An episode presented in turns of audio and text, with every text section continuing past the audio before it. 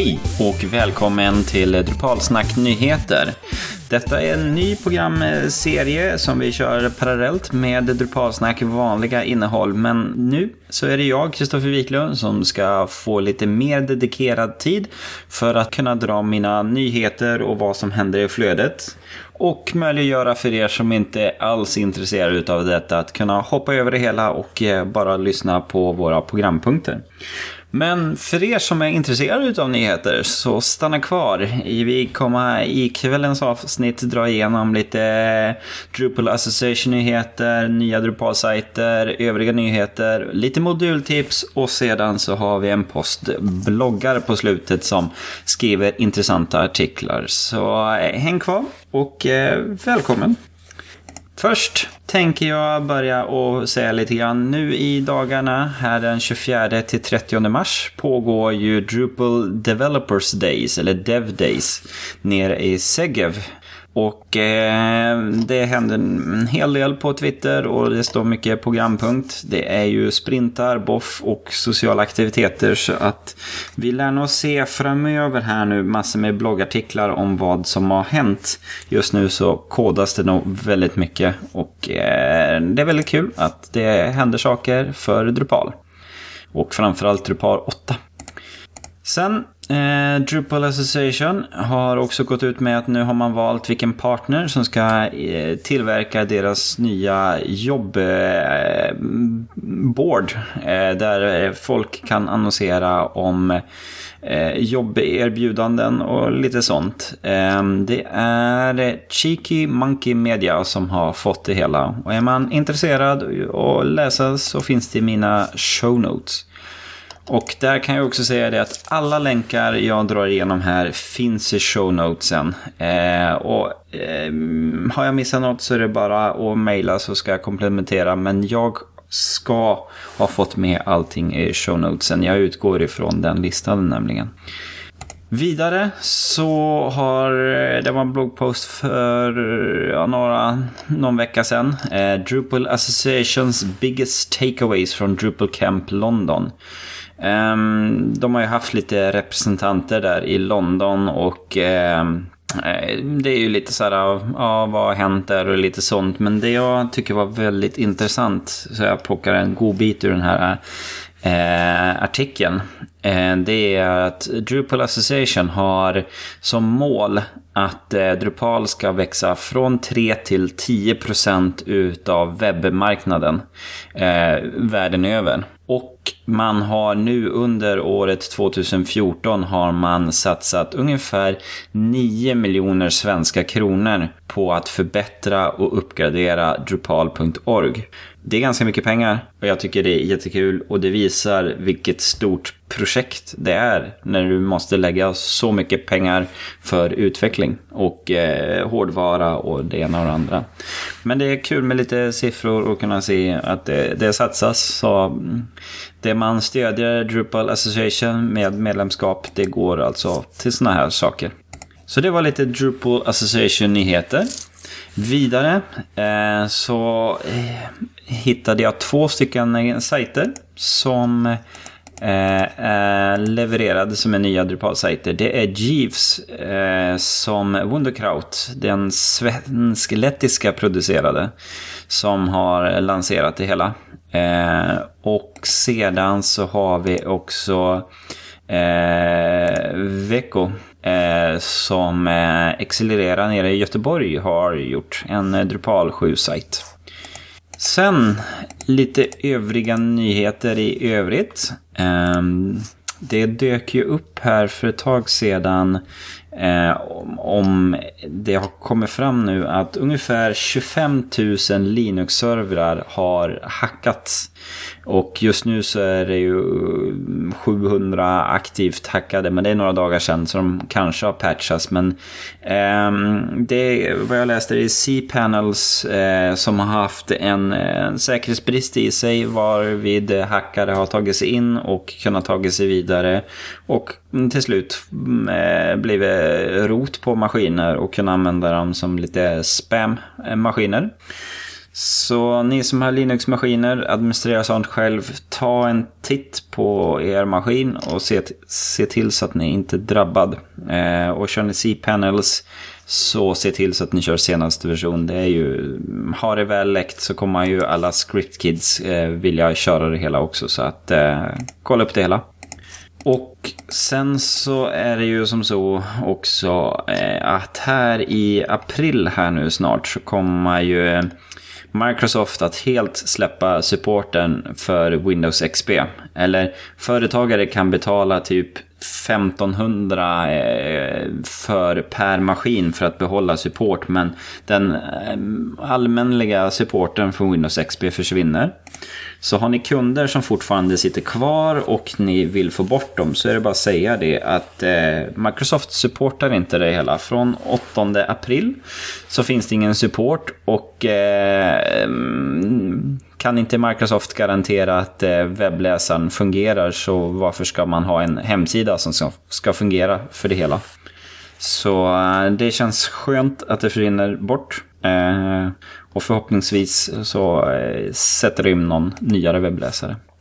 Nästa stora nyhet som har dykt upp här nu i veckan som jag nog måste ta lite, prata lite grann med Adam och Fredrik om i nästa avsnitt om vad vi tycker om det hela. Det är Aquia som har gått ut med Aquia Certification där man numera kan eh, bli en certifierad eh, Drupal-utvecklare via Acquia. Eh, just nu så planerar man att man börjar med en, en grundcertifiering som heter Acquia Certified Developer. För att sedan ha, eh, istället för, så här, det är ett prof, professional track och sedan framöver ska man ha ett specialist track. Där man ska ha front-end specialist och sedan back-end specialist.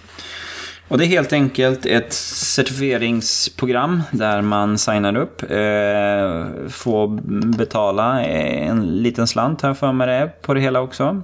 Och sedan så är det Criterion Test Centers som eh, kommer genomföra det hela. Eh, så det finns lite skriverier om det hela på Akvias hemsida.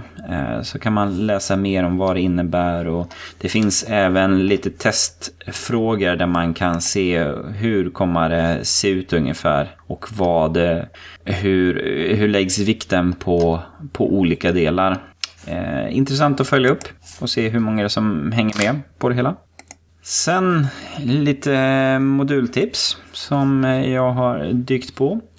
Eh, en eh, distribution som heter GuardR. R. Eh, en säkerhetsdistribution där man har lagt fokus på att det ska vara en säker distribution. Man ska ha alla smarta säkerhetsfinesser och eh, moduler som höjer säkerheten eh, inkluderat. Så eh, de säger att man ska ha den här som en mm, basinstallationsprofil och sen bygger man sin egen utifrån det hela. Eh, där man har lagt in allt ifrån att eh, eh, password policy-modulen, att eh, lösenord måste eh, vara tillräckligt långa och att eh, de får inte finnas i med en dictionary. Moduler som kollar hårddisk, att inte det eh, svammar över vid en dosattack eller några sådana saker. Och eh, en, en bra lista så vill man säkra på sin sajt kan man ju kolla och se vad har man gjort i, i GuardR ehm, installationsprofilen. Och eh, hur kan man ta in dem i sin egen projekt. Sen har vi ehm, liten genomgång utav SEO-moduler. Eh, en liten sammanställning eh, vad som finns där kring eh, page-titel och lite wordlink-delar och sånt. Så att eh, där kan man grotta ner sig om sökmotoroptimeringsmoduler som hjälper till i det arbetet. Sen för er som tycker om att ligga i framkanten och det ska vara lite tufft och fräckt så är det en modul som heter Pace. Och eh, det är, ja, jag hade inte märkt det själv, men om man går på till exempel, går till YouTube Och eh, när du har surfat in där och sen klickar du på eh, någonting där så är det en röd statusbar längst uppe på hemsidan som visar hur inladdningen går utav hemsidan. Den funktionaliteten kan man med den här modulen Pace fixa ordning. Och sen kan man ange lite grann eh, checkpoints för hur sidan har laddats in, hur den ska stega framåt. Men ja, en liten kul sak för folk som eh, ligger i framkanten har en väldigt Ajaxifierad hemsida. Så kan man titta på det hela. Och sista modultipset som jag har är en bloggpost som, ger igång, som går igenom Entity Forms. Hur eh, sätter man upp det hela eh, och hur fungerar det? Det är ju en konkurrent eller vad man ska säga till Webform. Eh, och Entity Form utgår ju mer ifrån Drupals eh, grundmoduler, att man har entities och man använder rules för att eh, eh, köra igenom event och man har views för att ex exponera data. Så att, eh, det var en ganska enkel bloggpost där man kan lära sig mer om det. Sen så tänkte jag avsluta med en, en hög olika ehm, eh, blogginlägg. Där man kan eh, läsa på lite mer. Den första jag tänkte läsa är om Demo Framework. Eh, killar som, eh, det här är ju Dison Online eh, som har eh, skrivit hur de har använt Demo Framework. För ibland när man går ut till kund så vill man ju kunna ha en demosajt och kunna visa vad är möjligt. Men samtidigt har man ju inget innehåll eller man vet ju inte. Eh, Såhär, det krävs ju alltid lite att sätta upp en demosajt. Så därför har de byggt upp den här Demo Framework för att du snabbt ska kunna få igång en, en sida för kunder och kunna visa lite eh, business case och hur du skulle kunna, lite olika scenarier där. Eh, så det finns en YouTube-video och lite skript och sen slides hur det fungerar som. Sen har vi en eh, bloggpost, eh, eller egentligen en serie som Previous Next går igenom. Eh, hur man kan ta in eh, Drupal 8-kodande in i Drupal 7. Och de har börjat med första om hur du får in PCR0, alltså outloader-delen till Drupal 7. Sen kommer den gå igenom om objektorienterad callback och plugin och composer och POP-unit och lite sånt. Så att, um, är man en, en kodare och tycker sånt är intressant så kan man läsa på lite mer om det där. Um, sen en artikel som eh, jag tyckte var väldigt intressant för att jag själv eh, har, sitter i den problematiken. Det är Wunderkraut som har skrivit en bloggpost om Going beyond the permission page for nodes and fields in Drupal 7. Och det är en väldigt bra och tydlig genomgång eh, hur man eh, kodar specialcase utav Node Access. Eh, här har de tagit upp exemplet att eh, man har en eh, supervisor som kan skapa ett innehåll men den får inte redigera sitt egna innehåll men den får redigera andras innehåll. Så att eh, man, mm, man kan göra en start men sen så är det folk som får gå in och justera det hela. Och det går ju inte att fixa i Drupals standardrättighetssystem. Eh, utan eh, där kan man ju sätta, ja men skapa noder och så kan jag redigera mina egna eller allas noder. Det går inte att säga allas andra. Så att då visar de hur man enklast kan göra det hela. Och vi, eh, jag själv har ju stött på det hela när vi hade Eh, om en användare var kopplad till noden via Entity Relationships, eh, Entity Reference, då skulle den få göra. Och det blev som konstigt också när det var en, eh, den var kopplad till en nod eh, som i sin tur var kopplad till innehållet den skulle få access till. Så att då blir det till slut kod, för det kan man inte riktigt lösa i, ett, eh, i GUIT på ett smart och enkelt sätt. Um, Sen har vi också uh, lite grann en eh, Uh, sökmotorkonsulten.se skrev en ganska bra artikel som handlar just här om uh, när ska man lansera en sajt. Och eh, slutsatsen är väl att aldrig Eh, strax innan en högsäsong. Så ska du sälja eh, båtar så ska du inte sälja, lansera din sajt nu på våren. Då alla är ute och söker sin båt för att eh, man kommer ju aldrig komma upp i sökresultaten. Det är ju, mm, visst, sajten finns ute och kunder som vet om dig kommer ju kunna läsa om sajten. Men du kommer inte kunna ta några platser och det finns ju risk att innan Google har indexerat om din nya sajt att då tappar du massor med positioner. Så att det ska man göra i, i lågsäsong eh, så att sajten hinner få, få fäste och man hinner få se mm, hur ord rankar och lite sånt. Sen eh, var det ju en artikel här tidigare från 2bits. De jobbar ju mycket med Drupal optimeringar eller eh, när saker och ting, när man har stora sajter och man behöver finputsa dem och se lite grann. Um, de har eh, stött på en sajt som fick väldigt mycket bottrafik som försökte logga in och de försökte skapa innehåll och testa brute force med olika användares namn. Och när de tittade i loggarna så visade det sig att de hade upp mot 10% av deras webbtrafik utav 2,3 miljoner request. Det var bara bottar som försökte komma åt eh, ganska specifika Drupal-noder, typ eh, Node-Ed och lite sånt. Eh, så att då visar de lite exempel hur de i eh, Apache kan eh, bara redirecta bort dem. Ehm, så att då ehm, då kommer de aldrig till webbservern. Fast det här var... Ja, de gjorde det i Drupal Bootstrap. Så att de gjorde det inte i Apache. De gjorde det i Bootstrap. Så att mm, då kunde de hantera det där innan det nådde nå, nå långt in i Drupal. Utan då blev det en snabb eh, avstängning av bottarna. Sen eh, dök det upp en liten intressant artikel som eh, heter Testing the Frontend with eh, Casper JS. Det är LulaBot som har skrivit den artikeln. Och eh, det var en väldigt bra genomgång.